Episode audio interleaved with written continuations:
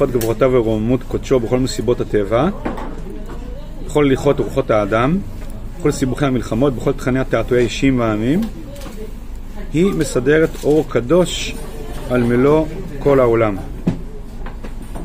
מחברת הנפש העולמית עם רוחה ונשמתה, מאגדת את כל המפעל והמעשה המסותר בחגבי סלעים וסתרי מדרגות, אל כל הגלוי והמופיע בפליות נוראות, ביד חזקה וזרוע נטויה, באותות ומופתים, בגלוי שכינה ובנבואה מהירה.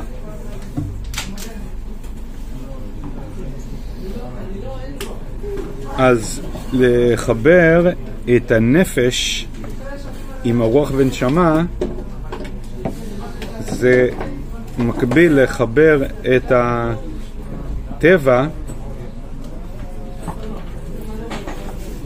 אמ, עם הכוח האלוהי והאור הקדוש.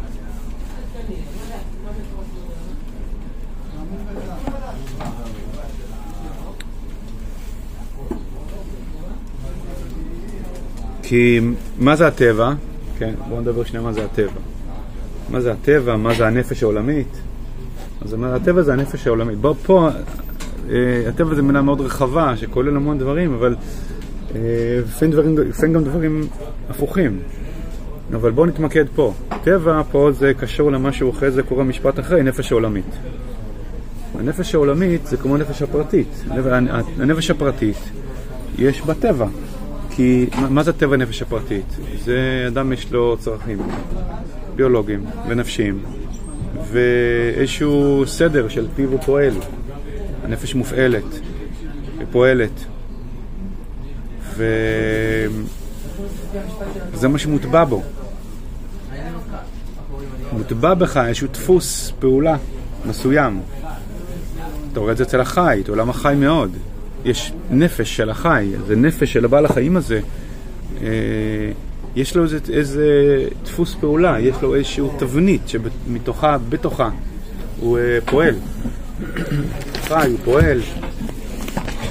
אה, וזה מה שמוטבע בו. זה לא אה, עניין של לשאול אה, למה זה ככה ומה המשמעות של זה.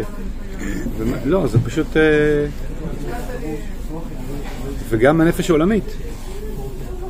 יש בה, יש בה תנועות מוטבעות של, אה, של חברות ושל עמים. וכשאתה מסתכל רק ברובד של הנפש, אז יש כמה שאלות שאתה לא שואל. אתה לא שואל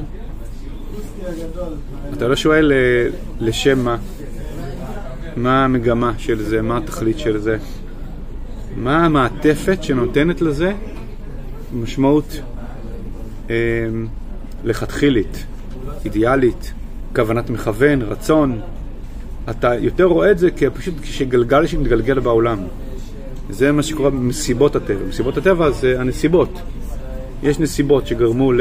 זה פשוט גלגל שרץ בעולם, יש אה, סיבה ומסובב לכל אירוע, אבל אין משמעות לזה, כי פשוט דבר גרם לדבר, גרם לדבר, גרם לדבר, זה מתגלגל לו בעולם. זה בראייה של הנפש. רק כשאתה מעלה את עצמך לרמה של הרוח והנשמה, ולא ניכנס כרגע לניואנס של הרוח והנשמה, יש, יש ניואנס חשוב, אבל בוא נבין את הבסיס.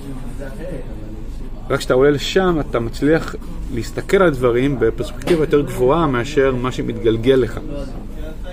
גם על הנפש הפרטית. זה מעולה וחיוני שאדם ינהיג את עצמו ויבין את עצמו, לא רק ברובד של הנפש, כלומר מה מניע אותו ומה גרם לו לפעול כמו שהוא פועל, והדינמיקה של ההתגלגלות של הנפש, אלא גם ברובד יותר גבוה. שלמשל, למה עברתי מה שעברתי? למה קיבלתי את הייעוד הזה, את השליחות הזאת? למה הזדמן לי לעבור את מה שעברתי? לאן אני אמור לקחת את זה? מה אני אמור לגדול מזה? זה כאילו, כדי להגיד את זה, אתה צריך להסתכל על זה בצורה, בפרספקטיבה יותר גבוהה. שכאילו היא מחוץ למערכת הנפשית. היא לא כלואה בתוך המערכת הנפשית, היא מחוץ לה. זה נקרא שהיא לא כלואה בטבע, היא מחוץ לטבע. היא, היא, היא רואה את הטבע, אבל היא רואה אותה מתוך מערכת יותר גבוהה. אז זה נכון לגבי האדם הפרטי, וזה נכון, פה הרב יותר לוקח את זה לנפש העולמית. לראות את מה שמתגלגל לו בעולם, ב- בעיקר בסדרי החברה האנושית, אבל לא רק, לא רק סדרי החברה האנושית, גם רעידות אדמה. זה גם שייך לנפש העולמית. עולמית זה לא רק הנפש של החברה האנושית, זה גם הנפש של, ה... של הגיאולוגיה, של כדור הארץ. זה גם חלק מהנפש העולמית. אז אתה יכול לתת הסבר מדעי לזה, אתה יכול לחפש הסבר מעבר לזה, מעבר, מה המשמעות של זה. מה המשמעות של זה, זה כבר מקשר את זה לרובד גבוה יותר. זה הכוח אלוהי שחי ופועל. תועפות גבורותיו ורוממות קודשו. תועפות גבורותיו שהרצון הולך ומתגלה בתוך הסדרים הנפשיים.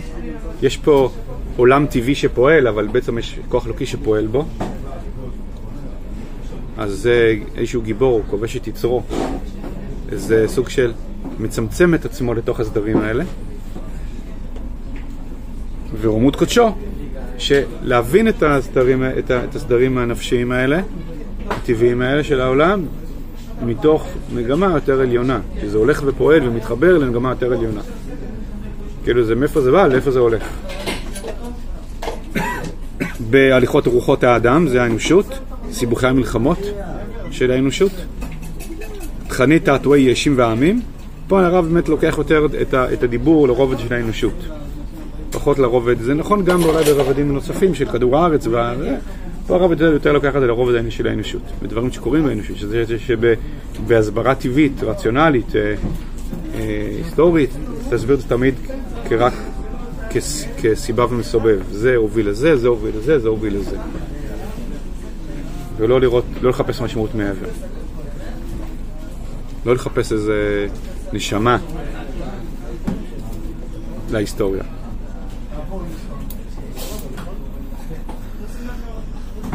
אז החיבור הזה הוא מאגד את המפעל והמעשה המסותר בחגבי סלעים וסדרי מדרגות עם הגלוי והמופיע בפליאות נוראות. יד חזקה וזרוען תיאטות מופתים, גלוי שכינה ונבואה מהירה. הגילוי, הנסתר והגלוי. הנסתר זה, אתה רואה את זה כהתגלגלות של דינמיקה אנושית ותו לא. זה, זה הנסתר. והגילוי, שכינה, זה לראות את מעשה השם בזה. לראות שיש פה איזשהו אה, סדר אה, מרובד גבוה יותר. שיש, שהשיח ש, שהמאפיין שלו זה מגמה, כוונה טובה, רצון, חוכמה, משמעות, אה, שמוסרית לזה, מה שדיברנו בתחילת ישראל ותחילתו, על, אה, על הסבר סיבתי והסבר מוסרי. זה מאוד קשור לזה, כי הסבר מוסרי הוא מחבר אותך לאורח והנשמה, ההסבר הסיבתי הוא משאיר את זה בתוך הנפש.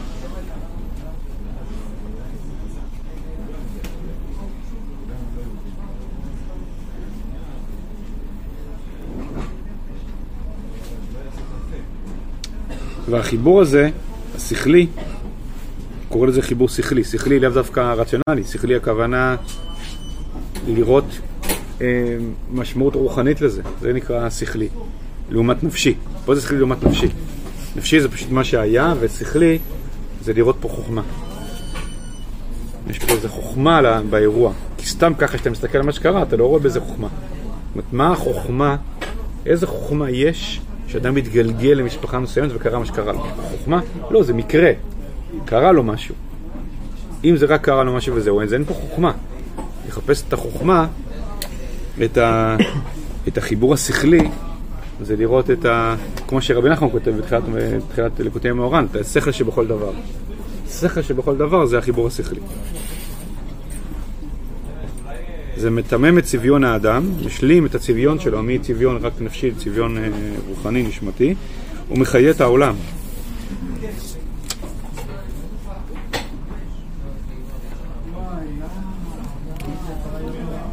כשאור ישראל מתגלה על ידי עומק הדעת ומעמקי האמונה לראות, איך כל העלילות מראש ועד סוף, מראש מקדמי תבל עד אחרית ימים אחרונים, מטורפות תנועות רוחניות אדירות, הופעות שכליות ומוסריות מלאות וטובות, חידושי חוכמות ומדעים נשגבים ומשוכללים, כל הערות תוריות בכוחות כלליים ופרטיים, כל זוהרי רוח הקודש וכל השפעות צדיקים ושדי העולמים הם מגורמיהם העליונים והתחתונים, וכל תנועות, תנועת עולמים גדולה אחוזה בהם, הערת הראש של משיח שנברא קודם משנברא העולם. אז פה במשפט הארוך הזה הוא אומר שני דברים. הוא מטמם את צביון האדם כדי לייצר עד כמה שניתן מבט כללי. מה זה מבט כללי? מבט כללי זה להצליח לחבר את כל האירועים מראש ועד סוף לסיפור חיים אחד. אם אתה מצליח, לק... ל... הוא קורא לזה נפש העולמית האנושית. אם אתה מצליח לקחת את כל סיפורי האדם, האנושות, מראש ועד סוף, ולראות את זה כסיפור חיים של אדם, זה בדיוק עושה את הצביון הזה. מתמם את הצביון הזה. כי זה לא רק התגלגלות של מיליוני מקרים ואנשים ועמים שקרו כל מיני דברים. לא, יש פה סיפור. גם אדם פרטי זה נכון. במקום שתהיה ערימה של אירועים שקרו לך, יש פה סיפור. עצם זה שאתה יכול לחבר את כל האורחים שלך לסיפור, ולצק את משמעות הסיפור הזה, אז אתה מתמם את הצביון שלך מראש ועד סוף. אז החיבור מראש ועד סוף זה הצעד הכי חשוב בהשלמת הצביון של החיים שלך. אז גם בנפש העולמית, לראות את ה... מראשית אה, הציוויליזציה האנושית עד השאיפות העתידיות שלו לתיקון עולם, לראות הכל כסיפור חיים אחד שיש לו התחלה אמצע סוף ותחנות ומשמעות לכל תחנה, זה, זה לפעמים את הצביון שלו, לראות אותו כסיפור בעל משמעות אה, רוחנית, גם קדושה. זה הופך את זה למשהו ש... אז הוא פשוט מחבר פה את הכל יחד לדבר הזה. עכשיו, זה לא קל, זה בכלל לא קל. זה לא קל לפרט, וזה בטח לא קל, לא קל לאנושות, ולפעמים, בגלל שאנחנו רגילים מהנבואה, שהנבואה עושה את זה, הנבואה עושה את זה. היא כל הזמן מחברת זמנים ותקופות ואירוע מבט כללי. מבט כללי זה דבר שהוא דורש עדינות, כי אחרת אתה כמו פלמחנות חרסינה, אתה סתם אומר דברים. שאין להם אה, בסיס. השאלה אם מותר לך להגיד גם. אז מה זה מותר? חובה עליך להגיד, זה הרב כותב באגרות. אנחנו עם שיודע אותיות, אותיות הבריאה, אותיות של, שהשם מיהן, שהם השם ברא את ההיסטוריה. יודע אותיות, שנברא בהם שמיים וארץ. זה התורה. זה התורה, התורה זה עם יודע אותיות. ולמה זה נורא משמעותי? זה לא רק, אה, אוקיי, הבנה מעניינת. זה לא נכון. זה כמו אדם הפרטי שמצליח לחיות ככה ברמה מסוימת, אז זה מנהיג את החיים שלו באיכות אחרת לגמרי. זה משנה את כל החיים שלך, את כל מהלך החיים שלך. אתה חי באיכות אחרת לגמרי, אתה מכניס קדושה לחיים שלך. ואתה לא חי ב... זה לא התיימרות אבל... באי ודאות, אתה לא חי ב... אתה לא חי בשיכרון. אתה לא חי בעולם של מקריות, אתה חי בעולם אחר, זה לא רק פרשנות. זה מחולל עשייה אחרת לגמרי לחיים שלך. אתה שותף מלא. בהופעת הקדושה על החיים. עכשיו אתה אומר, זה יומרה? זה מה שאתה שואל, זה יומרה. זה נכון, זה יומרה, לכן זה צריך בעדינות. בעדינות, הכוונה לא תשלוף מהמותן, מה זה משנה, אמרת משהו. הרי ככה זה חזרה לפרט, אדם על עצמו, באופן אישי שרוצה לעשות את זה, זה לא סתם לשלוף איזה משהו ולהגיד. זה מסע מורכב, לחבר את החלקים ולראות תמונה רחבה גדולה יותר. לאן זה הולך? זה, זה, זה, זה, זה צריך להיות אמיתי. זה לא לשלוף מהמוטום ולהגיד דברים מה אמרת. יובל נוח הררי ניסה. מה? יובל נוח הררי ניסה לעשות על האנושות. איך? עשה איזה סקירה של הוא, הוא, השיא של להשאיר את זה במדרגה של הנפש. זה, זה מישהו שלא יודע, ש- מה עשה? לא עשה את זה. ניסה לעשות את זה, הוא פשוט... הכל, כן, הכל השאיר ברמה של הנפש. התגלגלות מה קרה לו. הוא לא הורס סיפור בעל משמעות.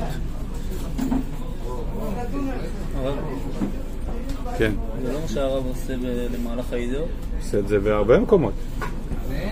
זה לעם ישראל, נכון, עושה את זה בהרבה מקומות, בהרבה מאוד מקומות, בהרבה מאוד מעגלים הוא עושה את זה, וזה נכון שזה דורש זהירות. דורש זהירות, דורש אה, העמקה, ודורש, אני חושב שהדרך הבטוחה ללכת פה, זה לא לקפוץ על כל אירוע. בדיוק כמו האדם הפרטי, שזה לא חכם אם אדם רוצה להבין את המשמעות של דברים שקורים לו בחיים, לא לקפוץ על כל דבר שקרה לו ולהסביר אה, למה זה קרה, מה המשמעות של זה. חכה, אתה לא יודע עדיין, מה אתה עכשיו קופץ? תנסה כמה שיותר לנשום עמוק ולהסתכל בפרספקטיבה רחבה לדברים, כמה שאפשר, לאט לאט לתת- לדברים להתברר, לא לקפוץ לחפש תשובה מיד על כל דבר. כאילו שאתה חכם גדול ואתה יכול לתת תשובה מיד על כל דבר, חכה. בסבלנות, בזה, באורך רוח, במבט טיפה יותר אה, ארוך טווח, גם הרב בתחילת מלחמת העולם הראשונה, לא ישר קפץ ואמר למה, קרתה מלחמה. מה המשמעות של זה. מלחמה זה הייתה מלחמה של כמה, ארבע שנים. תוך כדי הוא התחיל לשאול את עצמו שאלות ולחפש תשובות מתוך קווים ולראות לאן זה הולך. ו- ו- ומה המשמעות של זה ב- ב- בסדרי, בסדרי עולם.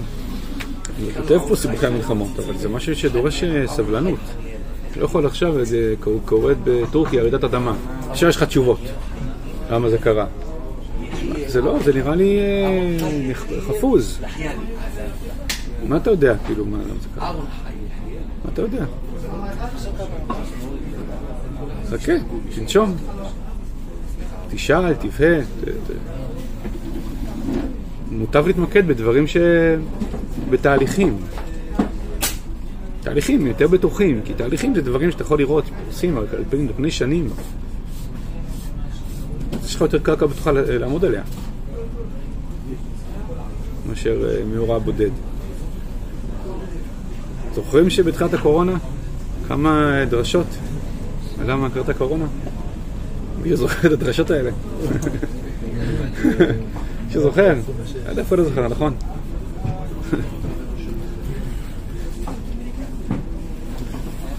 עכשיו, כנראה יש משמעות לאירוע הזה, אבל מה המשמעות? לא יודע, זה... אולי יתברר בהמשך, לא יודע. אולי אפשר לומר כמה דברים, אבל לא יודע. לא בטוח שזה האירוע הכי חשוב שקרה פה. לא יודע. יש, יש סיכוי שזה מבחינת הסיפור הגדול, זה אירוע שולי. סיכוי.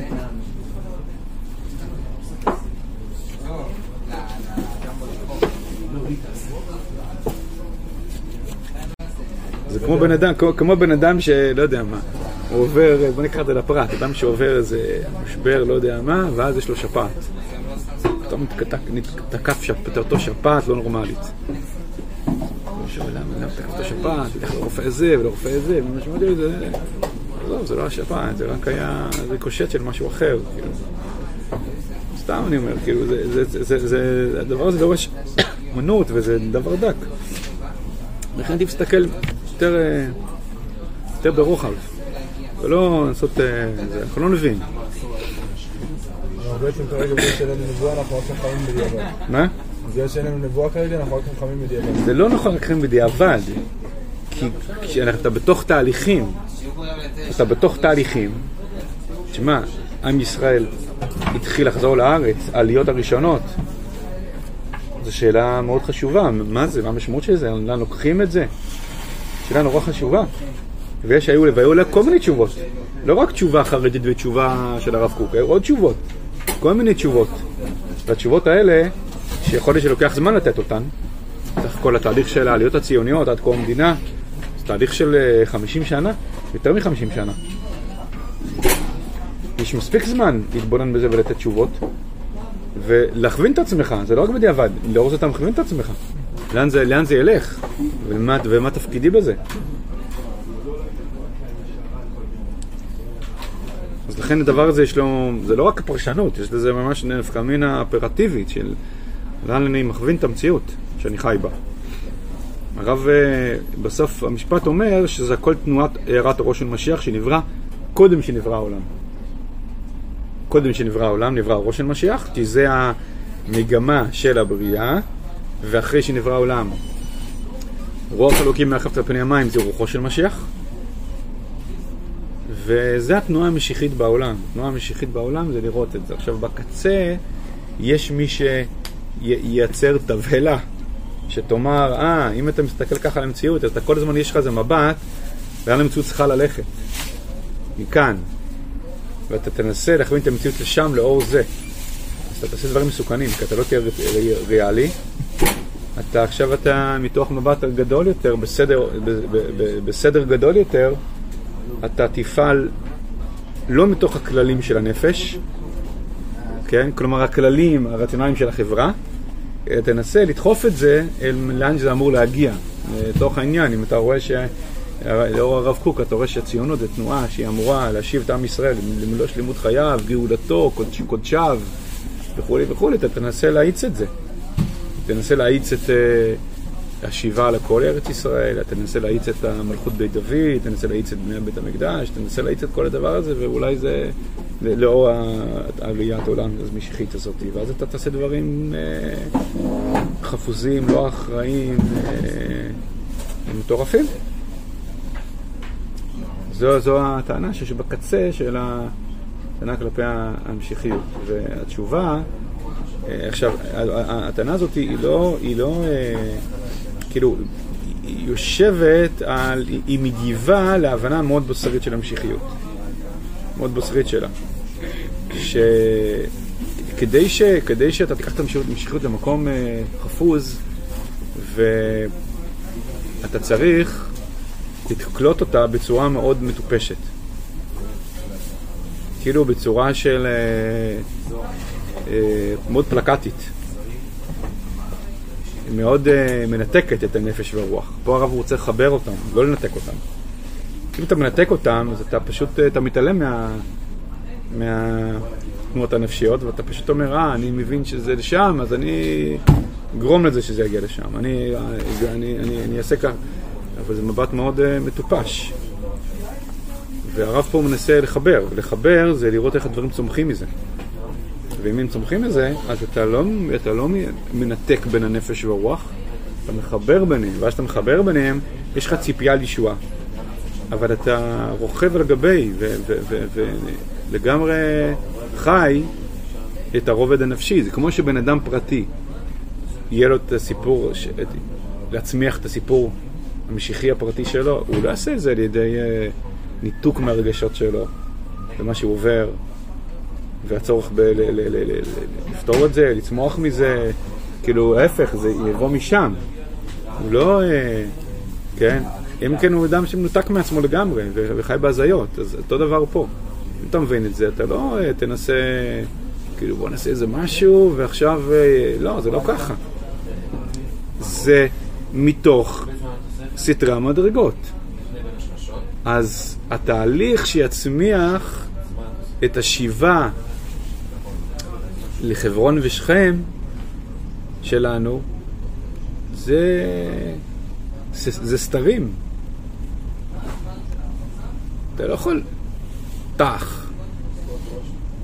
זה דברים שצומחים, ואתה אתה צופה, אתה צופה וזה משליך על הציפייה שלך ועל הרוח שלך. אבל זה מאוד עדין בחיבור של זה למעגלי הנפש. אז אתה אומר, הראש של משיח מבשר על בניין בית שלישי, נכון? אז איך ייבנה בניין בית שלישי? וואלה, אין לנו מושג. אתה לא קופץ מעל הפופיק, אתה אומר וואלה, איפה השם שם אותי עכשיו? ומה תפקידי בית הזאת? לאור המציאות זה, זה, זה, זה החיבור. אז ב, ב, ב, ב, במשיחיות השפויה, הבוגרת, הנורמלית, יש בה, דינה, יש, יש איזון מאוד uh, טבעי בין הציפייה שלך לבין מה שיש בידיך לממש. והמון צדדים של uh, ציפייה לישועה הם ציפייה לישועה. נשמע כן, ציפייה. והמחשבה שתנסה לקפל את כל הציפייה לתוך איזשהו... אה, אה, שאני עכשיו אעשה את זה באיזשהו מהלך חפוז, זה מחשבה שהיא אה, באמת... אה, אתה רואה שכמעט ואין לחשוש ממנה. כאילו, בסדר, פה ושם בשוליים, אצל באמת אנשים לא בריאים בנפשם. אבל זה ערובה לחיים גדולים, זה ערובה לחיים משמעותיים. אז אנחנו מאזנים בין, בין הרובד של הציפייה לרובד של מה, איזה שער נפתח בפנינו. איזה שער השם פתח בפנינו. בסדר? ואז אתה יוצר את החיבור הזה בין הנפש והרוח.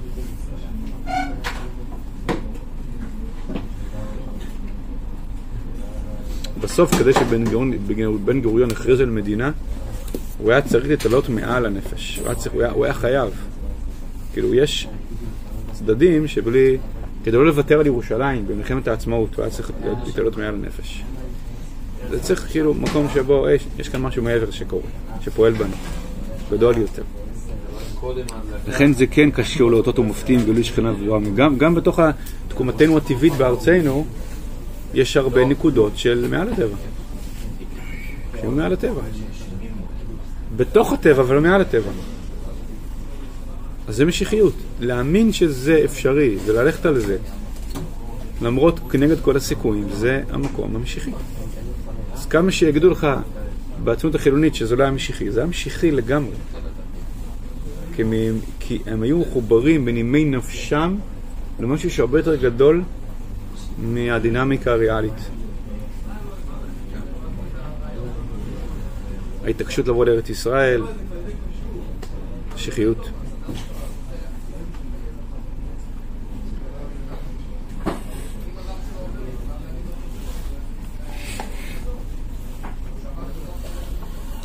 אוקיי? בכל עת שמתגלים מקרים ומאורעות, רעיונות ומחשבות, להרים נס של קירוב, גאולה וישועה, בין שהיא גשמית ובין שהיא רוחנית, מתגלים מקרים ומאורעות בעולם, רעיונות ומחשבות, כן? מקרים ומאורעות זה מה שקורה בעולם, רעיונות ומחשבות זה יוצא מתוך נפש האדם, העט, הדיבור שלו, להרים נס של קירוב, גאולה וישועה,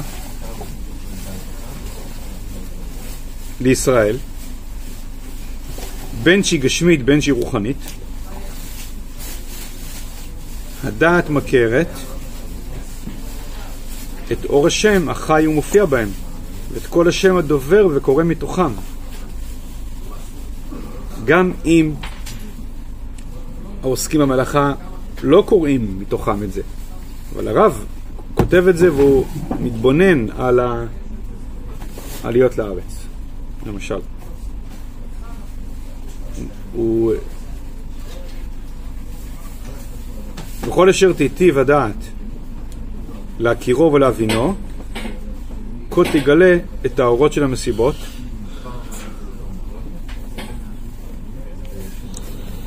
הוא מסתכל על הפוליטיקה העולמית והוא עושה את זה. אני לא בדקתי מתי הוא כתב את זה, אבל אם הוא כתב את זה אחרי מלחמת העולם, או תוך כדי מלחמת העולם, אז הוא גם כותב את זה וחושב על אירועי מלחמת העולם. אם הוא כותב את זה לפני, אז הוא מסתכל על העליות.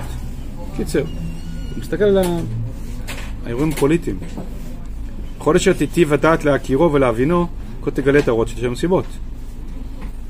כן? לאט לאט. תיטיב הדעת להכיר ותראה את האורות שעולות מתוך גלגולי החיים.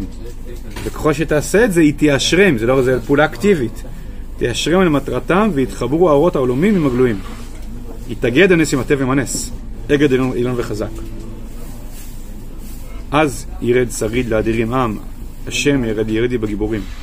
השם ירד לי בגיבורים שפועלים למעשה, וזה יתאגד את טבע עם הנס. עם הנס זה, זה הכוחות הפועלים עם המגמה שלהם.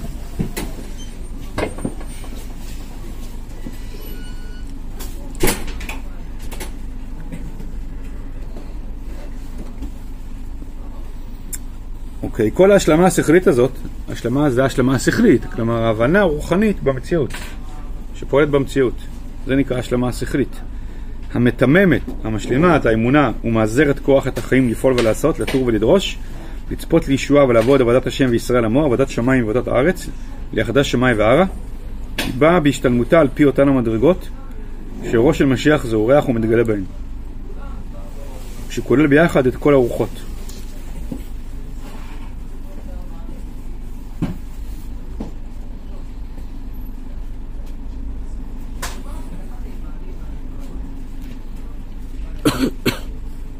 רוח השם, רוח חומה ובינה, רוח עצה וגבורה, רוח דעת ויראת השם.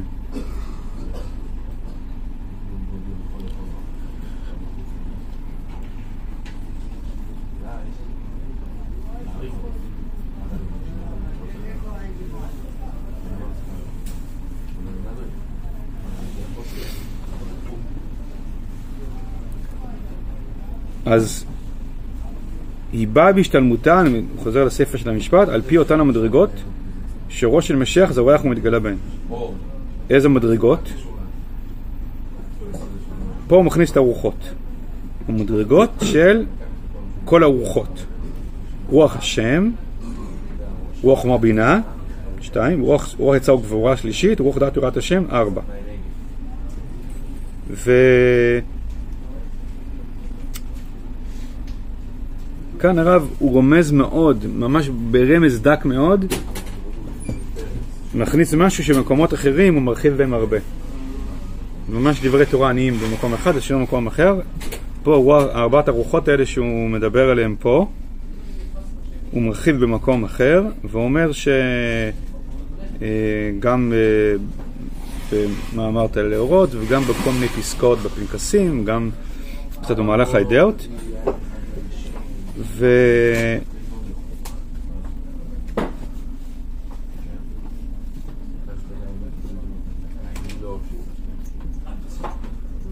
נגיד את זה ממש בקצרה, ארבעת ארוחות, שגם יש מקומות שקורא לזה ששת ארוחות, אבל כרגע נשאר בארבעת ארוחות, זה ארבעה חלקים של, אה,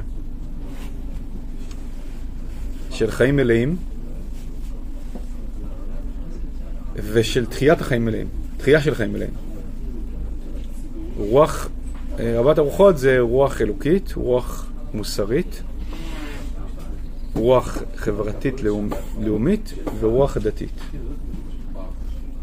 וזה מקביל לרוח השם, רוח אלוקית, רוח חמה ובינה, רוח uh, מוצרית, רוח עצה וגבורה זה רוח חברתית לאומית, רוח דעת יראת השם זה רוח דתית. ואפשר להקביל את זה, כדי יותר להבין את זה, לנביא, סנהדרין, מלכות וכהונה ומקדש. ארבעה חלקים מתחיית חיים. המשיחיות, הראייה המשיחית, היא צופה לתחייה, להשלמה של חיים אנושיים מלאים, בחום וברוח, אפשר לתכלל את, הציפי, את הציפייה שלה, את הצפייה שלה ותהליכי התקומה שלה לארוחות האלה. שיתגלו לבסוף גם במוסדות שמייצגים, שמייצגים אותם. כי כל אחד מהמוסדות האלה, נבואה, אה, סנהדרין, משפט, מלכות ומקדש, כהונה, מייצגים רוח אחרת. והיכולת של המוסדות האלה להשתקם, לקום, להתחיות, תלוי בשיקום הרוחות האלה וההתמלות שלהם. אז אפשר לומר שמאז תחילת תקומת ישראל בארצו, כמעט הכל מושקע בתחייה של הרוח של יצא וגבורה, של תחיית רוח המלכות, רוח החברה והלאום. הכל מושקע, לפחות ברוב, ברובד הגלוי. ברובד הגלוי, הכל מושקע לתחייה של הדבר הזה, ואנחנו עדיין בשיא, בשיאו. אבל הדברים הם לא, הם לא כאילו אחד נגמר ואחד מתחיל, אלא דברים יש בהם איזושהי חפיפה מסוימת, וייתכן מאוד שהיום אנחנו נמצאים בתחילה של אה, עידן של תחיית רוח אה, המשפט, שבעה שופטינו. שהוא בא מתוך אה, תחילת רוח אה, המלכות. אתה רואה את זה גם בסדרי, ה... בסדרי התפילה של שמונה עשרה, שיש אה, ברכת גאולה וקיבוץ גלויות וברכת השנים, ואז השיבה שופטינו. אחרי שיבה שופטינו יש אחרי זה צדיקים ובניין ירושלים, אז פתאום אתה רואה שם מקדש ובסוף הנבואה. או אולי. אבל זה נראה שזה הסדר. אז uh, עכשיו, תחיית uh, המקד... המשפט זה לא רק זה לא רק שייך למשהו מוסדי, שזה תיקון מערכת המשפט, סנהדרין, לא יודע. זה קודם כל רוח מסוימת, רוח שלמה מסוימת. עכשיו, יש המון, יש המון רבדים לרוח המשפט. רוח uh, חוכמה ובינה. זה, זה רוח של הפרט, זה משהו שבפרט, משהו שבכלל, משהו שבמרחב הרוחני של החיים. כאילו זה עולם שלם של רובד של, אה, של תחייה, שהוא הוא, ש, שהוא נוגע לכל אחד ואחד, וכולנו יחד. כי, כי, כי רוח המשפט זה קשור ל, ל, ל, ל, ליכולת של האדם הפרטי להנהיג את עצמו במשפט. משפט זה, זה תיקון לכוחות הנפש. משפט זה תיקון הדעת. משפט זה היכולת ללכת כנגד רוחו של כל אחד ואחד. הגר"א אומר שישיבה שופטינו כוללת היכולת של לייצר עצה שתהלך כנגד רוחו של כל אחד ואחד. עצה רוחנית.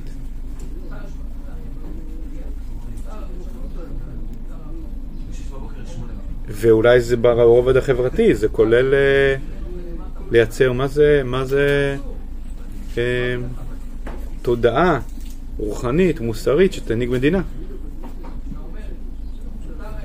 זו תחייה של אה, רוח של תפארת. מתוך uh, הבניין המעשי, הבניין הרוחני, המשמעות של הרוחנית של זה. מה עמוד שדרה הרוחני שמנהיג את כל הבניין. זה גם רוח המשפט. רוח המשפט זה לא רק בתי דין, זה לא רק דיינים, זה לא רק שופטים. זה רק הקצה של משהו יותר עמוק וגדול.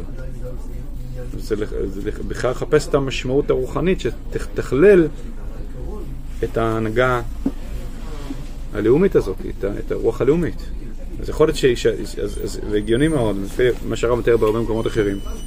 בשלב שעם ישראל הוא יימצא במידת מה את הבניין החומרי לבדו, אז יהיה איזה משבר שיחייב את הקומה הבאה, והקומה הבאה ייתכן זה רוח המשפט, שהוא נותן נשמה לתהליך הזה. כי הוא נותן מצפן, נותן רוח, נותן כיוון, נותן אה, איזונים, נותן, אה, נותן, נותן רוח מוסרית, נותן, מכניס למפרשים רוח מוסרית. כאילו הכל שעולה, כל המון ככל שדי, כל שעולה, ש, שהבניין החומרי, הלאומי, הוא לא, הספינה לא תמשיך לשוט בלי אה, בלי הרוח של הרוח המוסרי. ואצל הרב הרוח המוסרי משפטי הם אחד. הם אחד. הרוח המוסרי זה הרוח המשפטי. כי בעם ישראל מי שנותן את המלכות, את העוצמה הלאומית זה המלך, ומי שנותן את המצפן המוסרי זה סנהדרין. ולגבי זה יש גם אלוקי, יש נבואה. ו... ואולי הגענו לשלב שבו השאלה, השאלה המוסרית של קיומנו היא הכי בוערת. עד כדי שאתה שומע קול, פה צריך, פה צריך לתת רמז אקטואלי, שאומר, רגע, בלי מצפן מוסרי, זה לא ימשיך לשוט. אז זה מתגלה בהתחלה כקול uh, קר, כקול מאוד חיצוני, מאוד... אה, שתולה את זה ב... כמו, ב... כמו בהתחלה, שברוח הלאומית המחשבה הייתה אוגנדה. מה אוגנדה? מה קשור אוגנדה? אה, בחסות, אה, הטורקים, מה פשוט הטורקים? כאילו כל מיני מחשבות של תוהו, אז יכול שגם בזה יש בהתחלה מחשבות של תוהו. כן, אנחנו, ב- חוסננו זה מקבל את חסותו המוסרית של אה, מועצת חכמי הגלימה. יהיה בצל חסותם המוסרית שהם ישיגו, ואז אנחנו נרגיש שיש לנו תכלית מוסרית לחיים שלנו. אם הם תנו לנו את הגושפנקה. אז יכול להיות שזו התחלה של התעוררות של אה, רוח מוסרית, כאילו זה, זה, בלי זה אין אה, משמעות לכלום. רק אם הם נתנו את הגושפנקה, אני מרגיש שאני, יש לי משמעות מוסרית לחיים שלי. אז זה מחשבות תוהו ובוהו כאלה.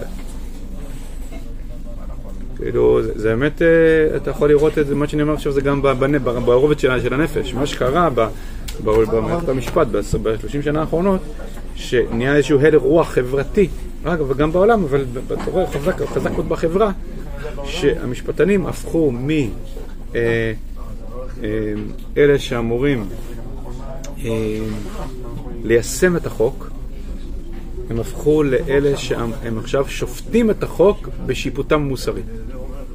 כי המילה שופטים, יש לה באמת כמה משמעויות. במשמעות הרוחנית המקורית בישראל, שופטים, ברוח המשפט, זה היכולת, המשיח, כתוב עליו שהוא, שהוא, שהוא ישפוט תבל בצדק. מה זה, מה זה אומר? זה אומר שיש לך שיקול דעת מוסרי עמוק שלאורו אתה יודע לשפוט סיטואציה לכאן ולכאן. מה נכון, מה לא נכון. אז באמת רוח המשפט במקור הוא קשור לשיקול דעת מוסרי, שמתוכו אתה יכול להכווין נכון את החיים. מי שאין לו רוח משפט, אין לו יכולת להנהיג את החיים שלו בצורה מוסרית. כי הוא פשוט נדחף לפה, נדחף לפה, נדחף לפה, נדחף לפה. אין לו רוח משפט, אין לו יכולת לראות את כלל הכוחות ול- ולתת, אה, לאזן ביניהם ולהגיד שם הולכים. אור זה וזה וזה וזה. לשקול את הצדדים ולשם הולכים. זה, זה, זה שיקול דעת מוסרי, וזה רוח משפט. אז באמת בשנים האחרונות המשפטנים, הם הפכו את, עצמם, את עצמם לשופטים. כלומר, אנחנו שופטים לא לאור חוק, זה, זה אה, משפט של פרוצדורות, אנחנו רוצים משפט של מהות. כן, זה, זה השפה שלהם. לא, לא משהו פרוצדורלי, אלא משהו מהותי, כלומר, שופט, שופט זה מי שיש לו שיקול דעת מוסרי לשפוט האם, האם החלטה שהתקבלה, האם היא ראויה או לא ראויה. אז יש פה משהו מן התוהו שצריך לבוא בעקבות באיזשהו תיקון. שנכון, ודאי ש... כשגוף יפעל הוא צריך רוח משפט.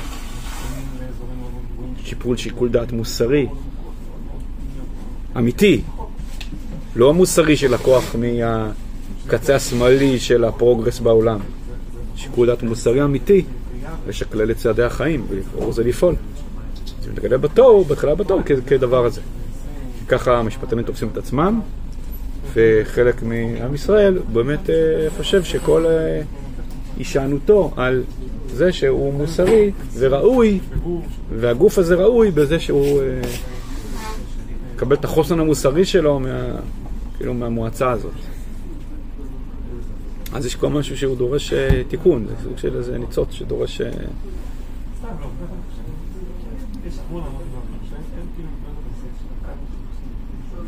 בסדר, מובן. אז כאילו זה יכול להיות שבאיזה קריאה משיחית של האירוע הזה שם, אולי משהו כאין זה. כי זה באמת פלא לראות את הדבר הזה, פתאום ההיפוך הזה, כאילו שפעם מישהי מתוך המערכת אמרה לי, ברור שהתודעה פה זה שאנחנו אה, שופטים את המוסריות של החוקים. ברור, כאילו, מה? זה תפקיד התפקיד שלנו. יש פה את המוסריות של החוקים. שה- שהמחוקק קובע. ברור שאני, אני, אני, אני, זה תפקידי. כאילו, ברור. אתה שם, מי הסמיך אתכם? מי הסמיך אתכם לזה? עברתם הכשרה לזה? לשפוט את מוסריותם של החוקים? זה מה שאמרתם בפקולטה למשפטים? למדתם שיקול דעת מוסרי? לפי איזה מקורות?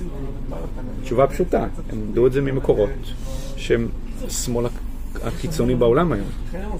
הוא מוביל את השיקול דעת המוסרי בעולם. מה נחשב מוסרי היום? מה נחשב מוסרי?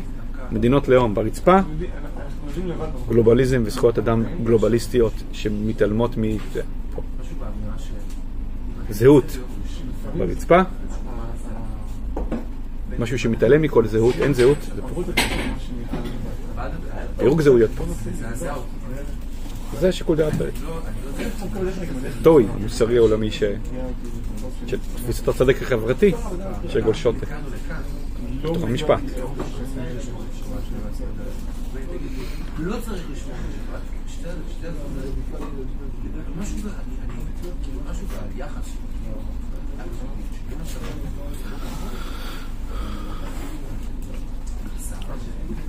טוב, עצור פה. אורות קריאה רוחנית.